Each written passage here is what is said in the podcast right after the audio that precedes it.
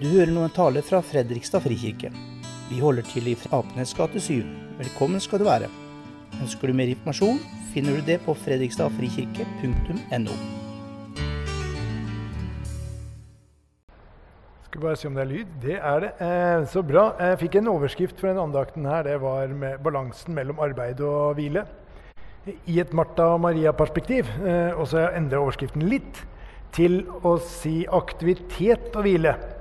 I et uh, Martha og Maria-perspektiv. Og det uh, Jeg er ikke sånn som sier ja til alt. I hvert fall ikke alt mulig.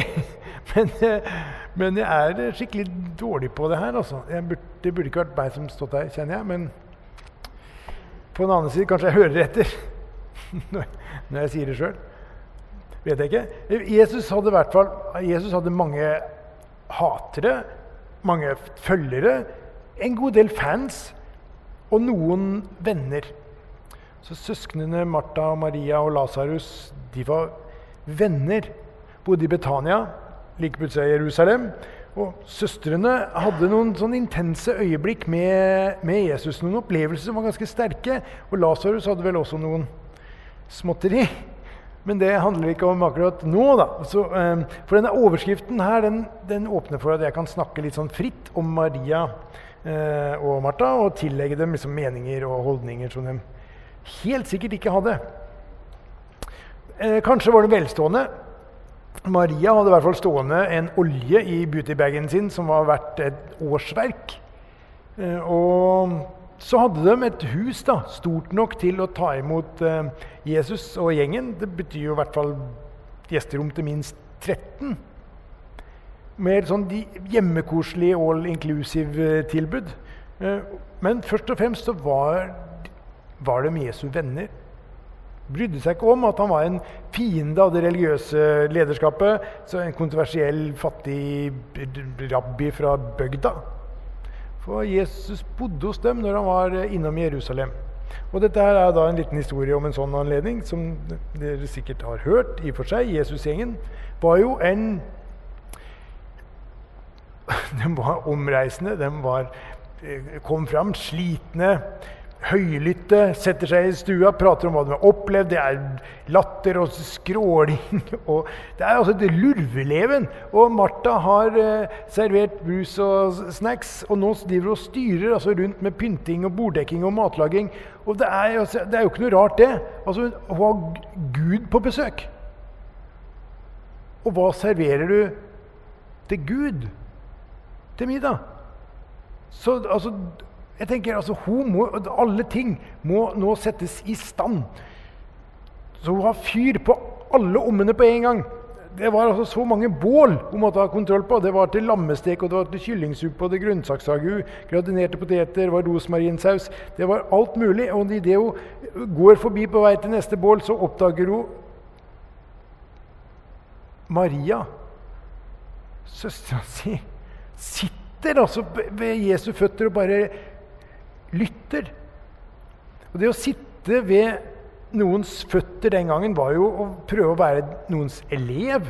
Ville være en disippel, villig til å høre, lære. Det var ikke sømmelig i det hele tatt for en kvinne å skulle sitte sånn. Og vi finner jo Maria på kne foran Jesus ved andre anledninger òg. Når broren deres døde fordi Jesus somler med å komme til dem.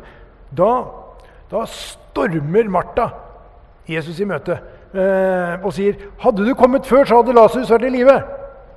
Og Martha er liksom drevet av og liksom forventer. altså Det er handling, det er ansvarsfølelse, det å stå til rette for. Det er liksom sånne hodeting.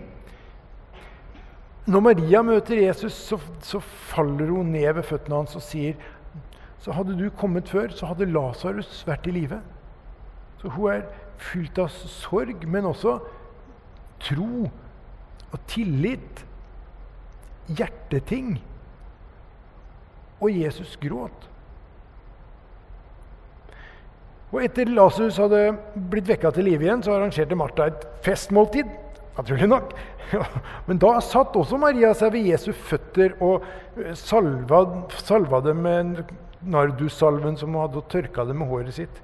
Så Jeg ser for meg altså Martha som en sånn her, eh, Hermine fra Harry Potter. Eh, og Maria som Luna Lovegood, hun som går liksom med tryllestaven bak øret for, å, for, for ikke miste den, som har som en halvkjede av smørtelølkorker. Eh, Martha ser Maria, og hun blir, og, altså, blir så frustrert. Altså, jeg, jeg, hun, Maria gidder jo ikke hjelpe til. Altså, ærlig talt, hva er det her for noe? Jeg må, jeg må altså, Jesus, bryr du deg ikke om? sier hun. Og jeg tenker, det, det har du bedt mange ganger òg. I hvert fall jeg. Bryr du deg ikke om Jesus? Altså, Gud bry, ser du ikke? Og det er helt greit. Som Jesu venner så har du lov til å, å, å være ærlig overfor Gud. Bryr du deg ikke om at søstera mi La meg gjøre all jobben alene. Altså, si til henne si til henne at hun skal hjelpe meg! Som jo også kan være en slags bønn, det. Og jeg skal være ærlig nok en gang, så tenker jeg mange av mine bønner også er sånn. Si til henne! Altså, fiks det her! Gjør sånn, Gud! Gjør som jeg sier. Det er mange som har prøvd å fremstille Martha og Maria som sånne erketyper, som, som, som typiske, liksom, gjenkjennelige, standardiserte personligheter. Så, og, og, der blir altså Martha-folk viser sin kjærlighet gjennom å gjøre. Den viser at de er glad i deg ved å ordne ting for deg. Jeg, jeg er glad i deg, så jeg gjør bra for deg. For handling sier mye mer enn ord, sier Martha-folk. Det er handlingsfolk. Mens Maria-folk viser kjærligheten sin ved å være, lytte, være sammen, støtte, si du er, du er fantastisk. Så relasjonen er det viktigste. Og Martha-folk sier ja, men hvis ikke jeg ordner mat, så, så, så, så vil jo ikke Jesus få noe å spise. Mens Maria-folk sier ja, Jesus kan ta to fisker og fem brød, og så mate Fredrikstad stadion. Så er det liksom ikke så farlig. Altså, Maria har blitt holdt fram som et forbilde. Og egentlig Martha det motsatte. Og så Idealet har blitt sånn å være Maria i en Martha-verden. Det har blitt skrevet bøker om det, masse taler, masse foredrag. Og jeg tenker jo at det ikke er riktig. Det er jo ikke rettferdig, i hvert fall. Ikke mot Martha, ikke mot Maria og heller ikke mot Jesus. Altså, Vi trenger begge. Begge er bra. Altså, Disiplene hadde jo ikke hatt et dekka festbord eller rene dynetrekk eller sjokolade på hodeputa hvis ikke Martha hadde vært der og fiksa. Og jeg tenker at Både Martha og Maria var sammensatte personligheter, selvfølgelig, med atferd som varierte med omstendigheter og aktiviteter og dagsform. Og, altså, De var jo som oss, da. For vi er egentlig en blanding av begge. Og da blir det plutselig mer personlig. Og mer alvorlig òg, opplever jeg. For hvilken del av deg vektlegger du? Eller mer riktig, egentlig, eh, hva vektlegger du som den viktigste delen av deg? Hva velger du at er viktigst for deg? I denne balansen mellom aktivitet og hvile, Martha og Maria, prioriterer du Maria-tid? Eller er livet ditt for fullt til å sette av tid til han som sier han er livet? For du har jo et valg. Og når Martha kommer stormende inn og sier 'Bryr du deg ikke, Jesus?' så svarer Jesus, 'Martha, Martha, du gjør deg strev og uro med mange ting, men ett er nødvendig. Maria har valgt den gode del, og den skal ikke tas fra henne.' Og, jeg, og så er, er, det svaret sånn Martha, du, Martha, Martha, mor, du strever og uroer deg for sånne tullete vertinneting som om det så, så, sånne greier er liksom viktig. Og så Er svaret hans sånn er irriterende, provoserende? Du, altså, du, du, skjønner jo ingenting, Martha. Eller er det sånn Martha! Martha! Du uroer deg så veldig. Altså, slutt, da! Skjerp deg! Det er feil fokus. Det er sånn at hvis det blir brukt dobbelte fornavn, så er det et sånn språklig virkemiddel som, som viser hengivenhet, kjærlighet, omtanke. Det er sånn Martha, vi kjenner hverandre jo, Martha. Det er du og jeg. Det er vi to. Martha, Martha, Martha, du bekymrer deg så veldig for at alt skal være i orden, at det skal se bra ut. Det, det er ikke det viktigste. Jeg er her hos deg. Det er det viktigste. Altså, Jesus ser ikke ned på innsatsen hennes. Det er bare at det er noe som er viktigere. Jeg er her bare i natt, Martha. Og snart er jeg borte. Hva er viktigst for deg? Er det alle båla dine, eller er det meg? Så Jesus er ikke opprørt eller, eller oppgitt over det Martha-folk gjør. For det er noen som må koke suppa. Og Jesus kaller oss til å være tjenere. Han sier veldig tydelig vi skal gjøre, ikke bare høre. Han vil at vi skal tjene vår neste. Han understreker bare at det er motivasjonen hennes. Altså det, er, det, er, det, er det som ligger bak den strevet og den uroen som, som hindrer hennes hvile hos han. Altså Hjertet hennes ble distrahert av det hjernen gjorde. Og kanskje Jesus vil si at for mye av en bra ting kan bli en dårlig ting om den distraherer deg fra den beste tingen. Så Martha Maria har valgt den beste delen, den nødvendige. Og jeg tenker jo at stemningen ble kanskje litt klein. Eh, når Jesus ikke eh, Han svarer jo litt sånn. Jeg tenker liksom, Hvis du er på besøk og det, og, og det, paret du er på besøk hos, begynner å krangle, og du begynner å se på tapeten som om det er veld, noe veldig interessant, du bare later som du ikke hører og bare prøver å altså det er Litt sånn ubehagelig stemning kanskje det ble. Um, men det er jo ikke sånn at, Martha, at Jesus ber Martha bare, bare glem uroen og stevet ditt. Litt sånn, Har du tro nok, så forsvinner alle bekymringer og problemer. Altså Han forstår stevet og uroen hennes, men han sier det fins noe viktigere. Eller altså, Nei, det er, det, det er, ikke det, han sier. Jeg tenker Han sier at det er noe som er viktigst midt i all uro og strev. Det er, det er den tingen som Maria har valgt. Så det det er valget som gir et liv med hvile. Ikke fra aktivitet, men midt i aktivitet. En prioritering av balanse midt i en sånn kaotisk eh, hverdag. Så om du blir for opptatt av det horisontale, ut, sånn ut til begge sider, mye, så er det veldig lett at balansen blir feil. Men om vi prioriterer Jesus vertikalt, som en stolpe som det horisontale kan festes til, så fungerer det som et balansepunkt, et, et fast holdepunkt. Det, det blir et kors som gir stabilitet for livet.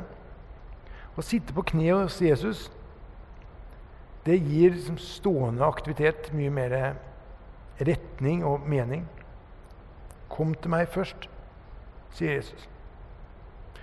Hvis du gjør ting for anseelse eller anerkjennelse, så er det, det blir bare religion. Det fører til byrder og bekymring. Å gjøre ting som din tilbedelse og takknemlighet, det er relasjon, og det fører til hvile og vekst. For tenker, Vi har alle en tilbøyelighet til å, være, til å liksom velge Martha-delen framfor Maria. Og I hvert fall gjør jeg det. Vi bruker alt av oss på jobb, på, på, på ansvar, familie, forpliktelser. Vi kan, vi kan også bli overvelda av uro og strev, som, som Martha over alt som må gjøres. Alt vi burde ha gjort, alt vi skulle ha gjort. Alt vi fyller livet med, det ender med å fylle oss. Vi har så mange bål gående samtidig som vi må passe på, og så holder det oss distrahert fra hvilen ved Jesu føtter.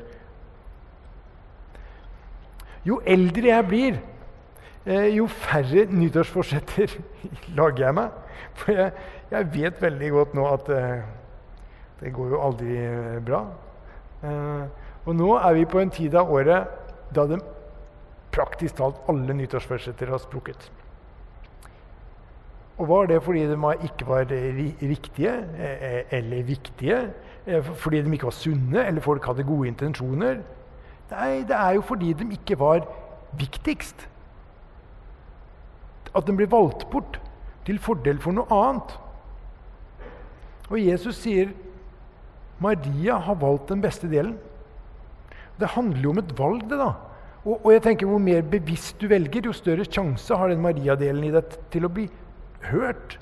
For jeg er altså så god til å overhøre den Maria-delen, ignorere innspillet. Altså de, stille spørsmåla om kanskje du skal sette deg ned hos Jesus. Og så kommer livet mitt ut av balanse. Å velge det viktigste handler om vaner. Det handler om å etablere og vedlikeholde vaner. Og man sier jo det at gamle damer er vonde å vende. Og jeg tenker at det er sånn med vaner òg. Du må velge. Altså, et Poenget som Jesus vil at du skal få med oss, det er at han leter jo ikke etter noen som kan lage festmåltid, som takler alle utfordringer, problemer, stress. Altså, han leter ikke av det beste av det beste. De med flest retter, de som er best til å elske andre og elske Gud. De beste forbildene, de beste menighetsarbeiderne, de beste lammestekerne. Han leter etter dem som er opp, han, altså han leter ikke etter dem som er opptatt av å mestre, men de som er opptatt av mesteren. Han er ikke opptatt av din åndelige CV for han, men om du vil sitte ved han. Dette er det evige liv, sier Jesus. Som, at, de som, de som, at, de som, at de kjenner deg, den evige, sanne Gud, og Han du har sendt, Jesus Kristus. Han ser ikke vår prestasjon, han ønsker en relasjon. Han inviterer oss til å sitte hos han, til å åpne Bibelen, til å lære han, til å åpne hjertet og snakke med han om livet. Og det å være stille ved hans føtter, så vi kan høre han. Jeg ønsker ikke at det åndelige livet mitt og ikke åndelige livet ditt skal begrenses til sånne bønnebestillinger på, i en slags sånn velsignelses-drive-through. Der bønnen er liksom Om du bare bryr meg om deg, om du bare bryr meg om meg, så, så, så si til henne Du må ordne opp. Fiks det her. Gjør sånn, Gud. Maria minner oss om at Guds nåde, hans kjærlighet, hans frelse, hans hvile, er en gave. Så Gud er på besøk hos Martha. Og hun er for opptatt av å gjøre ting for han, til å være sammen med han. Og han har kommet til deg òg. Inn i stua di. Hans samvær er vårt tilbud. Men den er også vår utfordring. Ta deg en pause, sier han. Behøver ikke være så lenge. Bare sett deg ned litt, så vi kan ta en prat. Det er viktigst. Og så kan vi få komme. Jeg vil bare, jeg vil bare sitte hos deg, Jesus. Så jeg får ikke til livet mitt akkurat nå. Og jeg trenger deg. Jeg vil, jeg vil bare sitte litt hos deg, Jesus, for og, og, lære litt og lytte. For det er så mye jeg ikke kan. Jeg vil bare sitte hos deg litt, Jesus, og takke for, takke, takke for at du er, for at du gjør, for at for at du gir til meg. Takk for at du alltid har tid til meg. Så kom, sier han. Ta en pause fra båla. Jeg, jeg venter på deg.